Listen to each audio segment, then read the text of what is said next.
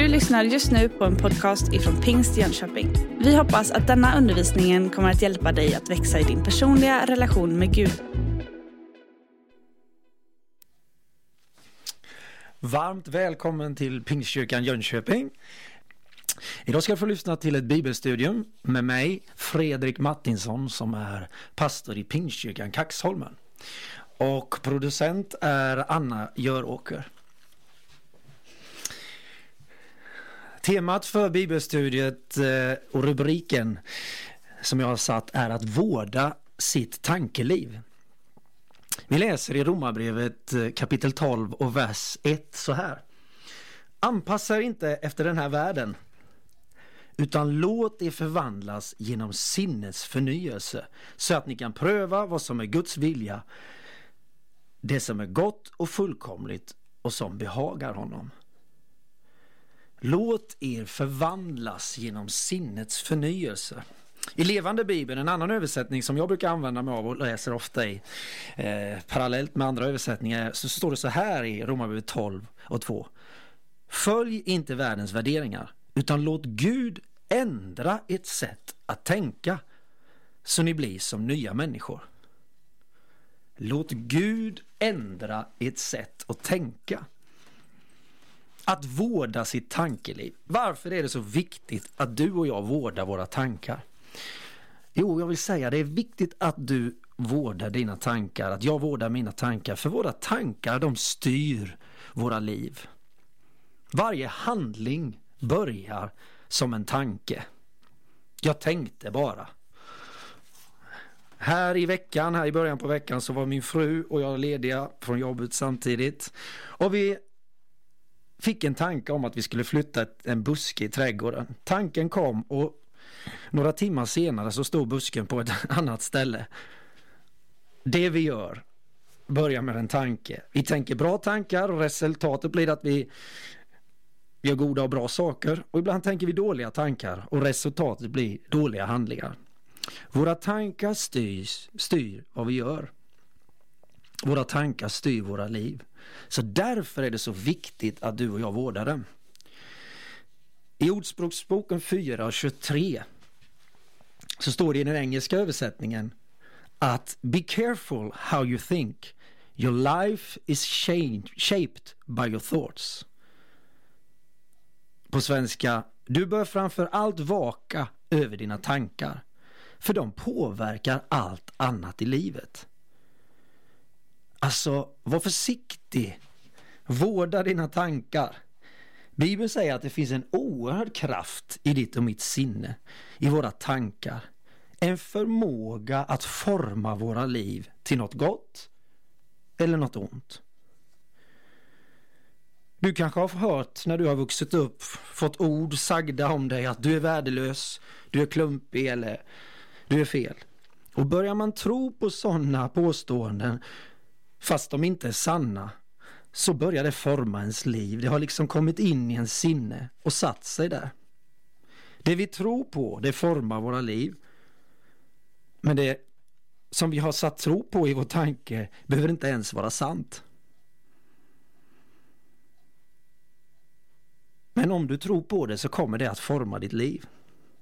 Allt för många människor i vår trasiga värld tror på lögner som har blivit sagda till dem och som har liksom satt sig som, en, som ett fäste i vårt tankeliv. Vi kan ha blivit itutade saker när vi var små som inte var sant, som fortfarande efter många år senare så reagerar vi på den här falska informationen. Våra tankar styr våra liv. Vare sig om det är saker som är bra eller dåliga. Gud är väldigt intresserad av vårt tankeliv. Han är faktiskt mer intresserad av att ändra ditt och mitt sinne, våra tankar, än vad han är intresserad av att ändra våra omständigheter. Vi vill ju ofta att Gud ska ändra alla våra omständigheter. Att han ska ta bort alla problem, all smärta, all sorg, allt lidande och all sjukdom och så vidare. Och det vill ju Gud. Han vill läka, han vill hela, han vill lösa situationer, han vill trösta. Men viktigare är vad som händer i dig och mig. Han är mer intresserad av att ändra ditt och mitt sinne, våra tankar, än vad han är intresserad av att ändra dina och mina omständigheter. Eftersom ingen förändring sker i ditt och mitt liv förrän våra sinnen, våra tankar börjar förnyas. Som vi läser i Romarbrevet 12 och vers 2. Så varför behöver vi vårda våra tankar? Det är för att våra tankar styr ditt och mitt liv. Men också behöver vi vårda våra tankar för att vårt tankeliv är slagfältet för synden. Läser vi. Det är i tanken du och jag antingen vinner eller förlorar striden mot synden. Alla frestelser sker i tanken. Vi tror att frestelse är någonting som kommer utifrån, något som händer, något som vi ser och så lockar det oss. Men det skulle inte locka dig eller fresta dig om det inte redan fanns en önskan inom dig. Jag menar att all frestelse händer i ditt sinne, i din tanke, mellan öronen. Om vi tar till exempel synder som stolthet, lust, bitterhet, hat, ilska, rädsla, avund, oro. Var finns dessa saker? allihop finns i ditt och mitt sinne. Det är där slagfältet är. Och därför är det så viktigt att du och jag vårdar vårt sinne, vårt tankeliv. I Romarbrevet kapitel 7 och 22 så läser vi så här.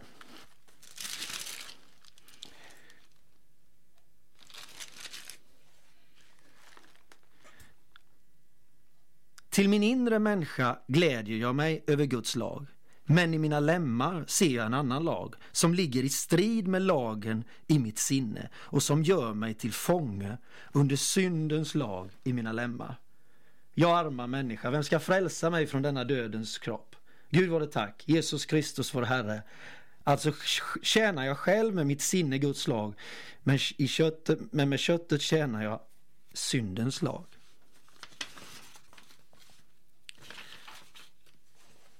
Det finns en strid i vårt sinne. Synden som finns inom mig strider mot mitt eget förnuft och gör mig till fånge, läser vi i en annan översättning av de här verserna. Det är inte så konstigt att du och jag ibland är så mentalt trötta. Det finns en kamp i ditt tankeliv och den pågår 24 timmar om dagen. Ibland är vi medvetna om den.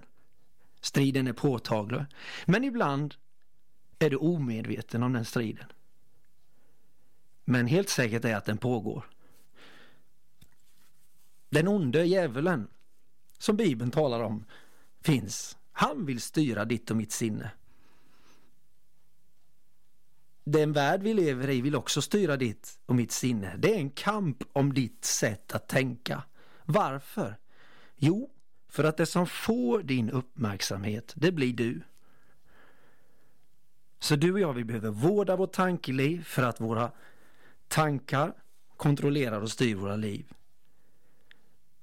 Och vi behöver också vårda det av den anledningen att vårt tankeliv är slagfältet för synd och frestelse. Och en tredje sak, varför vi behöver vårda vårt tankeliv. Det är för att ett vårdat tankeliv är nyckeln till frid och lycka. Ett ovårdat sinne det leder till spänningar. Ett vårdat sinne det leder till lugn. Ett ovårdat sinne det leder till press och stress. Ett vårdat sinne leder till fred. Ett ovårdat sinne leder till konflikter eller kaos. Ett vårdat sinne det leder till förtroende. När du och jag inte hanterar våra tankar, när vi till exempel låter dem gå hit och dit, och vi inte försöker få kontroll på dem eller rikta upp dem. När vi inte gör det, då byggs det upp en enorm stress i våra liv. Vi läser i Ordspråksboken 25 och 28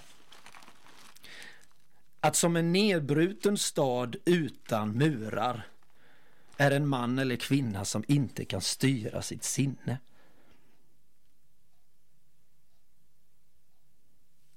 Det går att styra sitt sinne, att vårda sitt tankeliv.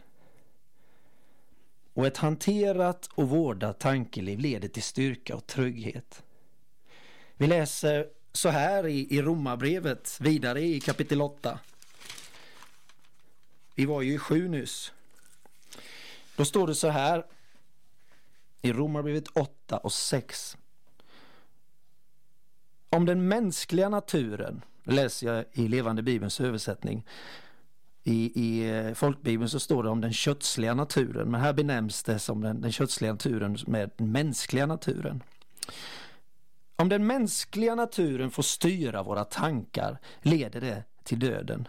Men om Guds ande får styra våra tankar leder det till liv och frid.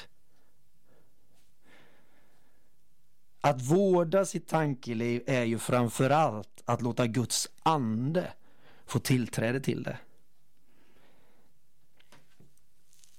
Men du och jag kan Ordspråksboken träna upp att kontrollera våra tankar.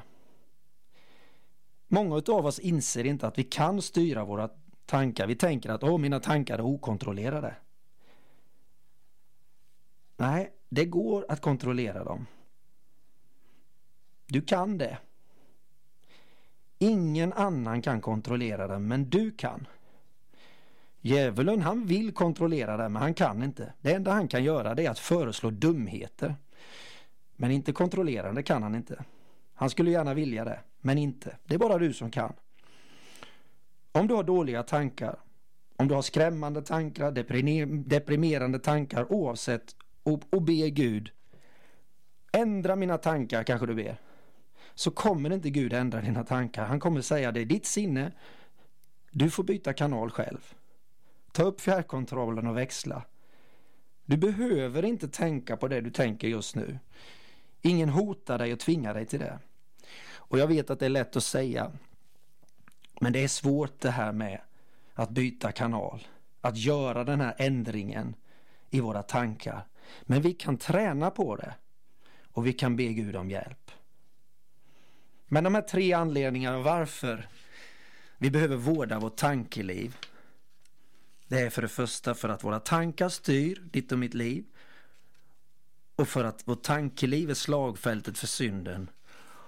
Och anledningen är sista varför vi ska vårda våra tankar är för att ett vårdat tankeliv är nyckeln till frid och lycka.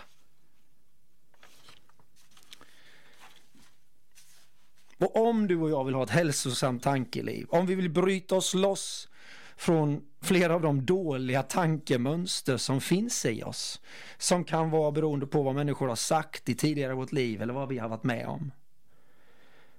Så finns det tre val att göra, tre dagliga val tänkte jag prata om här framöver. Tre dagliga val för ett hälsosamt tankeliv. Och den första punkten är, som jag ska börja med här strax, är att jag behöver mata mitt tankeliv med sanningen. Det andra är att jag behöver befria mitt tankeliv. Och det tredje är att jag behöver fokusera mitt tankeliv på rätt saker. Och som sagt, det här är tre dagliga val för ett hälsosamt tankeliv. Och den första, mata dig med sanningen. Du och jag, vi måste mata oss med sanningen. Vi vet alla vikten av att äta en bra kost. Bra mat får dig att bli bättre, starkare och friskare, mer energi och så vidare. Skräpmat, godis, chips och boy som jag lätt faller för, det skadar din och min kropp. Samma gäller med ditt och mitt tankeliv. Vi måste mata oss med sanningen och inte för mycket skräp inte för mycket gift. Jesus han säger i Matteus 4 och 4. Människan lever inte bara av bröd utan av varje ord som utgår från Guds mun. Du och jag, vi behöver den bästa maten för vårt, vårt tankeliv. För att kunna leva det bästa livet så som Gud har planerat och tänkt att vi skulle leva. Och den bästa maten för vårt tankeliv, det är Guds ord. Guds ord, sanningen. Det är mat för ditt och mitt sinne. Jesus säger ytterligare i Johannes 8 och 32 att ni ska förstå sanningen och sanningen den ska göra er fria. Men när ska jag mata mig med sanningen? Du vet ju bäst när du behöver och har tid att ta in sanningen, alltså Guds ord i ditt liv. Och det är bättre att äta lite ofta än att smälla i sig en vrålmåltid vid färre tillfällen. Det vet vi när det gäller mat. Att det är bättre att äta lite mer regelbundet än att äta stora lass en gång då och då. Att vi äter lite mer ofta det gör att blodsockernivån inte åker berg och dalbana. Och samma sak gäller med din intagning av Guds ord, sanningen. Om du ofta tänker på sanningen så kommer du faktiskt märka hur ditt tankeliv, ditt sinne förnyas, som vi läste i Romarbrevet 12 och 2. För kung David i Gamla Testamentet så var det mycket viktigt att fylla sitt liv, sin tanke med sanningen, med Bibelns ord. Han skriver så här i psalm 119, i psalm 147 och psalm 148. Tidigt på morgonen ber jag till dig och visar att jag litar på dig. Vad jag älskar ditt ord, jag tänker på det hela dagen, säger han. Och i psalm 148 så säger han, jag håller mig vaken om natten för att tänka på dina löften. Alltså David han hade Guds ord för ögonen på morgonen, under dagen och sent in på natten. Bibelns ord, sanningen, fanns i Davids tankar och det formade honom. Och har du tänkt på att Gud sa om David vid ett tillfälle, se, jag har funnit David, en man efter mitt hjärta. David, under en period i sitt liv så tillbringar han en stor del här på flykt. Eftersom kungen som han skulle ersätta i Israel, han ville döda honom. Saul, han ville ta livet av David. Så David han var på flykt i flera år. Han flyttade från plats till plats, gömde sig och bodde i grottor. Och han kunde faktiskt aldrig vara riktigt säker på om han skulle överleva till nästa dag. Det fanns människor hela tiden som var ute efter att döda honom. Det är inte många av oss, varken av mig eller dig, som kanske är utsatta på det viset just nu. Att någon vill ta livet av oss. Men när David ligger där och trycker i en av sina grottor undan från alla de som vill ta hans liv så skriver han så här i psalm 119 och 95. Även om besinningslösa människor gömmer sig längs vägen för att döda mig så skall jag i stillhet tänka på dina löften. Jag säger wow. David säger jag ska i stillhet tänka på dina löften. Jag vet inte vad du hade gjort om någon hade hotat mig i alla fall eh, om livet så skulle jag knappast det första jag gjorde ligga och tänka på Guds ord. Jag skulle springa, jag skulle nog ringa polisen. Men David han var där i grottan och han tänkte på Guds löften. Det var hans tröst i denna trängda situation. Han sa, jag bryr mig inte vad som händer imorgon eller vid middag i natt. Ja, även om människor försöker döda mig. Jag har en sak för mina ögon, jag matar mig med sanningen, med Guds ord. Jag tänker på sanningen.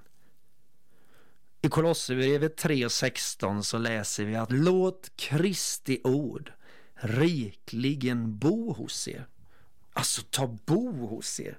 Ja, ta in den i tanke och hjärta och i våra liv. Och vi brukar ju prata om att den längsta halvmetern det är den från tanken ner till hjärtat. Men ju mer du tar in Guds ord, sanningen, så kommer det sippra ner så att ditt hjärta formas och hela ditt liv formas. Så fyll, för att vårda sitt tankeliv så är det första att mata sitt liv, sina tankar med Guds ord, med sanningen. Jag vill gå vidare och tala om eh, ett annat dagligt val. som handlar om att befria ditt och mitt tankeliv från destruktiva tankar. För ibland är det så att vårt sinne, vårt tankeliv måste befrias från tankebanor och mönster som är invana, som har satt sig kanske för att någon har sagt det i vår ungdom eller tidigare i livet. För du och jag, vi kan vara fånge i vissa tankemönster. Fånga av sånt som människor har sagt och som helt enkelt inte alls är sant. Men det spelar ingen roll om det är sant eller inte, för om du och jag har satt tro till det och det har satt sig, så har det påverkat ditt och mitt liv. Någon kanske har sagt till dig att du var klumpig, fast du inte alls är klumpig. Men du trodde det och det har satt sig i ditt huvud, så att du har börjat se dig på det sättet. Och det är så att du och jag vi ofta handlar utifrån i enlighet med det på det sätt som vi ser oss själva. Så därför behöver du och jag befria sinnet och tankeliv från destruktiva tankar. Men det är inte lätt. För anledningen till att det inte är lätt är att du och jag har tre fiender som vill hålla dig kvar i destruktiva tankar.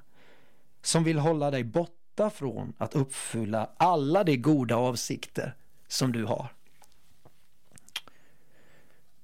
Vad jag menar med goda avsikter är ju saker som du och jag skulle vilja ändra på i vårt liv till det bättre.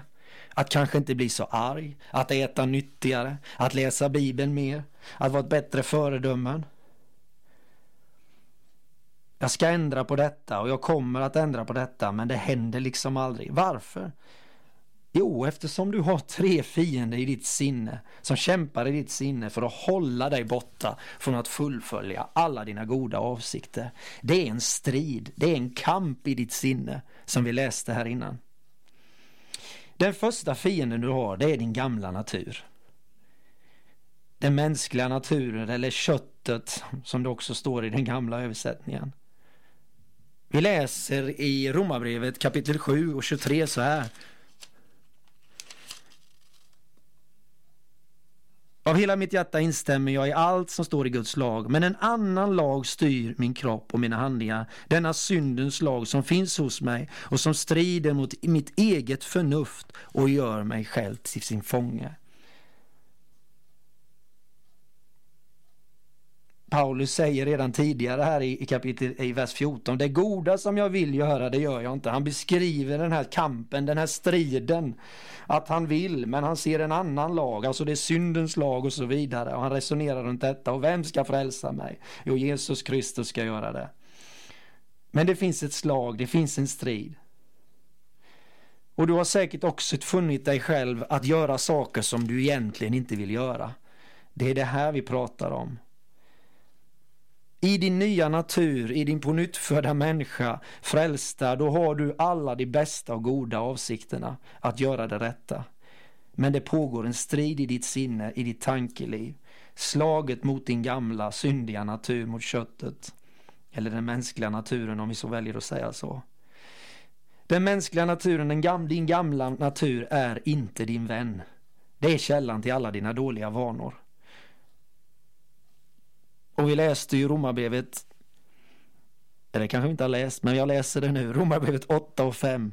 Det som styrs av sin kötsliga natur, sin mänskliga natur, tänker på sådant som tillfredsställer den mänskliga naturen. Men den som styrs av Guds ande tänker på sådant som tillfredsställer Gud. Om den mänskliga naturen får styra våra tankar leder det till döden, men om Guds ande får styra våra tankar leder det till liv och frid. Det handlar om vårt tankeliv. Det handlar om hur du och jag tänker. Jag kan ha en god avsikt för att ändra något i mitt liv, men min gamla natur, den mänskliga naturen, kommer att kämpa emot. Din första fiende är den kötsliga naturen, den gamla naturen. Mänskliga naturen, ja det har många namn, det gör det lite krångligt, men så är det. Den andra fienden som finns är den onde själv. Han vill gärna styra ditt sinne sa jag, men det kan han inte. Men det han kan det är att skicka idéer och tankar i ditt tankeliv. Han kan skjuta pilar läser vi. Den ondes brinnande pilar läser vi i Nya Testamentet om. Och han kan komma med förslag som är mycket kraftfulla. Han kan plantera oerhört negativa tankar i ditt och mitt sinne, i vårt tankeliv. Det är vad han håller på med. Och han använder ofta andra människor. Eller så kan han helt enkelt bara kasta en tanke i ditt sinne. Eller så kan han använda allt det vi tittar på via våra mobiler och internet och så vidare. För att slänga tankar som han vill att vi ska ta in i vårt sinne. Ibland kan man bara tänka, vad, vad hela friden kom den tanken ifrån? Du kanske har upplevt det när du har varit på väg att göra någonting så kommer något bara och slår emot och du bara, vad händer? Du kan tänka på det? Du kanske till och med skulle be till Gud och så plötsligt kommer du på att du sitter och tänker på något som bara är helt offside liksom. Då är det, kan det vara så att du har blivit utsatt för ett luftangrepp, för ett bombanfall från den onde själv. Han släpper ofta bomber i vårt tankeliv. Martin Luther han sa att du kan inte hindra tankarna att bygga bo, alltså att fåglarna kan komma och bygga bo på ditt huvud. Eller att tankarna då, i detta sätt, kan komma Eh, eller du kan inte hindra fåglarna att flyga över ditt huvud, men du kan hindra dem att bygga bo. Nu måste vi få det rätt. och likadant är det med tankarna. Du kan inte hindra tankar att komma och gå igenom ditt sinne, men du kan hindra dem att bygga bo. Du behöver inte acceptera en tanke. Och det är en av de viktigaste sakerna att lära sig i livet. Att sortera ut, att inte tro på allt som du och jag tänker. Tro inte att allt du tänker är sant. Ibland går det på automatik att bara för jag har tänkt det så är det sant, men så är det inte. Sanningen är att vi tror på massa saker om oss själva som, som inte är sant. Du kan helt enkelt ha blivit utsatt för ett flyganfall från den onde själv. Han bombar ständigt ditt och mitt tankeliv. Och när han gör det när han ger dig en tanke, då kallar vi det för frestelse. Det läser vi i Bibeln. När den onde bombar ditt tankeliv så kallar vi det för frestelse. När Gud ger oss tankar och eh, då kallar vi det för gudomlig inspiration. När den onde då är det frestelsen. Men Gud kan tala till ditt tankeliv. Han kan tala till vårt inre. Då kallar vi det för gudomlig inspiration. Och de gånger du och jag själv kommer med våra egna ljusa idéer, då kallar vi det för dumheter. Nej, jag skämtar. Vi gör inte alltid dumheter, men vi måste se det, att våra liv är en mix av, och tankeliv är en mix av våra egna tankar, tankar som den onde sår in i och även av Guds tankar för dig och mig. Därför är det så viktigt att vi, som jag sa innan, fyller oss med Guds ord så vi kan pröva varje tanke. Om det är en sanningstanke, om det är en som går i linje med Guds ord. Och vi väljer ju vilka tankar som ska få bygga bo i oss. Ja, två fiender. Den mänskliga naturen, köttets naturen. Det är en som är vår fiende och även den onde själv. Den tredje fienden är den här världen vi lever i. Den kultur som du och jag har runt omkring oss. För den kultur som råder i vår värld, den kommer inte hjälpa dig och mig, dig och mig att bli en mer disciplinerade personer. Det är inte så mycket i vår värld som uppmuntrar till självdisciplin, nej inte alls. Istället är budskapet att du förtjänar en paus idag. Gör som du vill, sätt dig först, följ, följ dina drifter eller dina begär. Med andra ord, var som ett djur och gör som du vill, lyd din törst. Det är så att både världen, köttet och djävulen för ett krig mot ditt och mitt sinne för att hindra dig och mig för att fullfölja alla våra bästa avsikter. Och här ser du, här är det tre mot en. Så det är inte så konstigt att du kämpar med missmod, förtvivlan och hopplöshet ibland. När det är tre mot en. Och det är inte så konstigt att det är svårt att ändra på vanor och saker i våra liv. Men det går med Guds hjälp. Och man kanske undrar, hur ska jag vinna denna kamp, denna strid i mitt tankeliv? Vi läser så här i andra Korintierbrevet. Och nu börjar jag snart gå in för landning och det här bibelstudiet finns en del två på som du kanske får höra längre fram. Men vi har börjat på det i alla fall. Men jag vill läsa ifrån andra Korintierbrevet där Paulus skriver kapitel 10. Till även om vi lever här i världen strider vi inte på världens sätt. De vapen vi strider med är inte svaga utan har makt inför Gud att bryta ner fästen. Ja, vi bryter ner tankebyggnader och allt högt som reser sig upp mot kunskapen om Gud. Och vi gör varje tanke till en lydig fånge hos Kristus. Här talar Paulus om precis det här vi pratar om idag. Alltså kampen, striden om ditt och mitt sinne. Han talar om att bryta ner tankebyggnader. Han talar om att göra tankar till lydiga fångar hos Kristus själv. Att bryta ner fästen. Och vad, är, vad kan ett fäste, en tankebyggnad vara? Ja, ett fäste kan vara en lögn som du och jag satt tro på, tro till. En lögn som har fått ett så starkt fäste i ditt och mitt tankeliv så det liksom sitter fast där. Vi, vi agerar automatiskt utifrån det.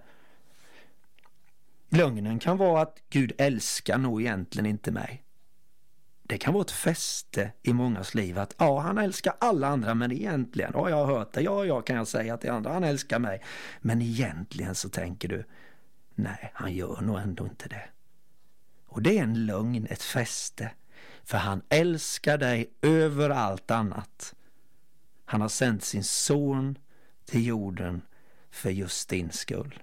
Han älskar dig. Och det är en sak som du aldrig får tvivla på. Att du är högt och evigt älskad av den evige guden. Han har älskat dig med en evig kärlek och han har goda tankar och planer för dig. Men det här kan vara ett fäste att Gud inte älskar oss. Lögnen kan vara att jag vet bättre vad som gör mig lycklig än vad Gud vet. Eller vi kan ha tankebyggnader att meningen med livet det går ut på att ha så kul som möjligt. Eller det enda som är viktigt det är att tjäna mycket pengar. Det kan vara olika saker som kan vara starka fästen i våra liv. En tankebyggnad kan vara ett fäste, kan vara en attityd som jag har. Jag kommer aldrig förlåta den här personen. Det kan vara ett fäste. Eller jag kan aldrig förlåta mig själv. Eller så kanske du har en tankebyggnad som är, eller ett fäste som är, jag kommer aldrig att bli något eller uppnå något. Eller kan du ha ett tankebyggnad, ja, ska det hända något dåligt, ja det är då klart det ska hända mig. En tankebyggnad, ett fäste är en lögn som du och jag har satt tro till. Och Paulus säger att för att kunna ha ett hälsosamt tankeliv så behöver vi lära oss att riva ner fästen, alltså tankebyggnader i våra liv. Destruktiva tankebyggnader. Han säger att vi ska göra varje tanke till en lydig fånge hos Jesus Kristus. Alltså fånga de där lögnaktiga tankarna och inte låta den få utrymme och få härska i vårt tankeliv.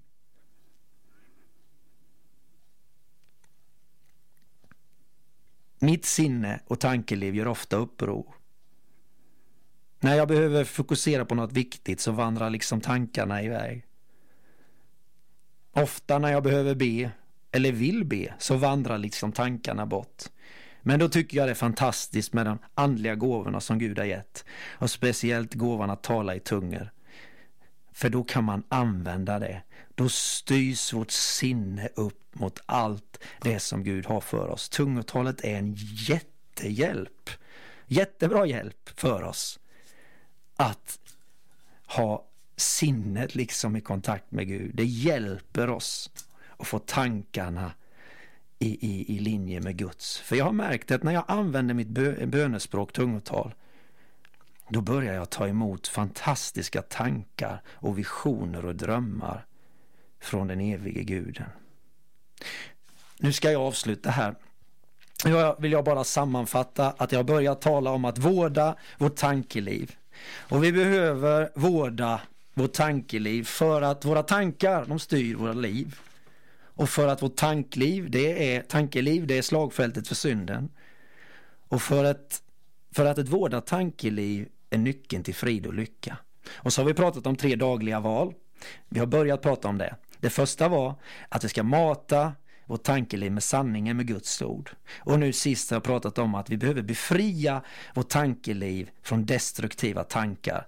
Det som Paulus talar om i, i andra Korinthierbrevet. Tre dagliga val för ett hälsosamt tankeliv. Den tredje saken som jag vill lyfta är att du och jag behöver fokusera vårt tankeliv på rätt saker. Och i detta vill jag lyfta tre saker att eh, fokusera på. Den första är tänk på Jesus. Det låter kanske som en, en klyscha, men det är en väldig sanning i det. För du blir vad du tänker på. Det du tänker, det formar dig. Och om du tänker på Jesus, gissa vem du kommer bli lik då. Exakt. Jesus Kristus. Hebreerbrevet kapitel 12, eh, vers 3. Och jag vill läsa redan från den andra versen. Där det står att Låt oss ha blicken fäst vid Jesus. Han som är trons upphovsman och fullkomnare. Som istället för den glädje som låg framför honom utstod korsets lidande utan att bry sig om skammen och som nu sitter på högra sidan om Guds tro. Och så kommer vi till, till vers 3. Tänk på honom. Jag säger det igen. Tänk på honom som måste uthärda sådan fiendeskap från syndare. Annars tröttnar ni och tappar modet. Alltså tänk på Jesus, annars tröttnar ni och tappar modet. Tre dagliga val. Ett av den att fokusera på och tänka på det är att tänka på Jesus. Tänk på Jesus exempel. Tänk hur han höll ut i sin kamp när ondskan var så nära och han fick utstå sånt hat och slag från människor. Tänk på honom så vi inte tröttnar. När du kanske börjar känna dig nästan redo att ge upp, tänk då på vad Jesus gick igenom. Tänk på honom. Det är en kraft att få hopp och ny kraft, Herre, till att gå vidare. Tänk på honom så du inte tappar modet. Vi behöver fokusera vårt tankeliv på Jesus Kristus. Det är en väldig läkedom att fokusera på honom och hans ord, hans sanningens ord. Det är det första vi behöver fokusera i vårt tankeliv, att tänka på Jesus. Sen läser vi i Filipperbrevet 2 och 4 så står det så här, och läser jag i levande bibelns översättning. Tänk inte på vad som är bra för er, utan tänk också på andras behov. Det är också en bra medicin för vårt tankeliv. Att tänka på andra. Att se inte till ditt eget bästa som står i folkbibeln, utan tänk på andras. Var så till sinnes som Kristus Jesus var, står det. Alltså var intresserad av vad andra gör. Kanske tvärt emot vad vi lär oss i den värld vi växer upp. Att vi ska tänka på oss själva, vårt eget välbefinnande, vår egen karriär jag måste göra vad som är bäst för mig och så vidare. Nej, tänk på andra. Du vet, det finns en oerhörd medicin i detta. När vi börjar lyfta fokus från oss själva till andra. Tänk på Jesus och tänk på andra. Vad skulle någon annan i min närhet behöva nu? Du vet, det finns en välsignelse i när vi har fokus på andra och välsignar andra. Ordspråksboken säger det. Den som gör andra väl för honom, han är lycklig. Den som välsignar andra, han blir själv välsignad. Det finns något oerhört fantastiskt i detta när vi lyfter blicken, när vi tänker på andra. Och det är så bra att fokusera vårt tänk tankeliv på att vi tänker på andra.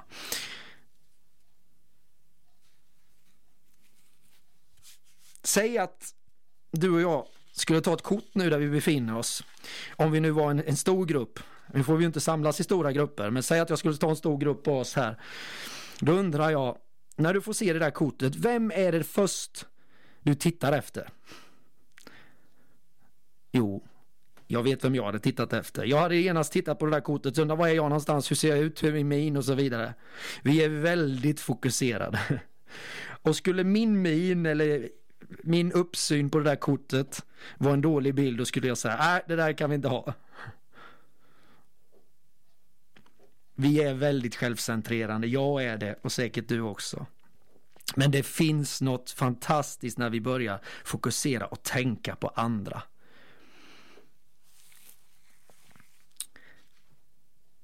Hebreerbrevet 10 och 24 kan vi också läsa så här att det står Låt oss ge akt på varandra och uppmuntra varandra till kärlek och goda gärningar. Alltså ge akt, och en annan översättning, låt oss tänka på varandra. Låt oss hjälpa varandra och visa kärlek och göra goda gärningar. Och det kan du börja i din, i din närhet med de människor du har där. Och det kan få växa i oss. Att leva ett liv som Gud egentligen har lärt oss när han sätter andra före sig själv. Det är ju i sin kärlek han sände sin son och Jesus, det var ingen som tog Jesu liv utan han gav det av fri vilja. Han tänkte på dig och mig före sin egen, liksom. Han tänkte på ditt och mitt eviga väl före sin egen bekvämlighet. Han utstod korsets lidande för din och min skull. Det var osjälviskt. Han gjorde det i kärlek för dig och mig. Tänk på Jesus, tänk på andra. Det sista jag vill lyfta är tänk på evigheten. Det är en väldigt bra sak att ofta tänka på evigheten. Att det här livet är inte bara här och nu. Egentligen är det här bara förskolan, förstadiet. För Gud har berättat en evighet för dig och mig. Så den här tiden på jorden, det är inte mycket i det stora perspektivet. Och när vi tänker på evigheten så kommer det göra dig och mig gott. Att det just vetskapen är att det finns mer i livet än just här och nu. Vi behöver ha evighetsperspektivet. För då får saker och ting i vår vardag sina rätta proportioner. Kolosserbrevet 3 och 2. Då läser vi just det. Tänk på det som är där ovan, inte på det som är på jorden. Låt himmelen och den framtid och den evighet som Gud har förberett, låt det få fylla dina tankar. Fokusera på det. Första Korinthierbrevet 2.9 säger att vad inte ögat har sett och örat inte har hört och människohjärtat inte kunnat ana än vad Gud har berättat den som älskar honom. Tänk på det. När problemen hopar sig i din tanke, när du tyngs ner av det ena och det andra, när ångesten kommer krypande, tänk på Jesus, tänk på andra och tänk på evigheten. Tänk på det som är där ovan, som Kolosserbrevet säger. För problemen de liksom krymper när vi har det stora och utgå från det stora perspektivet. Det himmelska perspektivet. Nu har vi talat om att vårda sitt tankeliv. Dina tankar styr ditt liv. Ditt tankeliv är slagfältet för synden. Ett, tank, ett vårdat tankeliv, frukten av det är frid och liv. Jag har talat om att vi behöver mata vårt tankeliv med sanningen, med Guds ord, lik David. Att tänka på det både morgon, dag och natt. Men jag behöver också, har vi talat om, att frigöra oss från destruktiva tankemönster som kan ha satt sig som tankebyggnad som Paulus säger i andra Korinthierbrevet. Du och jag behöver vara polisen som avgör vilka tankar som ska få råda i ditt och mitt tankeliv i vårt sinne. Att göra varje olydig destruktiv tanke till en fånge i Jesus Kristus. Och till sist här nu har vi talat om att fokusera vårt tänkande. Tänk på Jesus, tänk på andra och tänk på evigheten. Jag önskar dig Guds rika välsignelse och tack för att du har lyssnat på den här sändningen från Pingstkyrkan Jönköping. Du har lyssnat på ett bibelstudium av mig, Fredrik Martinsson, från Pingstkyrkan i Kaxholmen. Och producent har varit Anna Göråker. Du har just lyssnat på en podcast ifrån Pingst Jönköping. För att få reda på mer om vilka vi är och vad som händer i vår kyrka så kan du gå in på pingstjonkoping.se eller följa oss på sociala medier via pingstjkpg.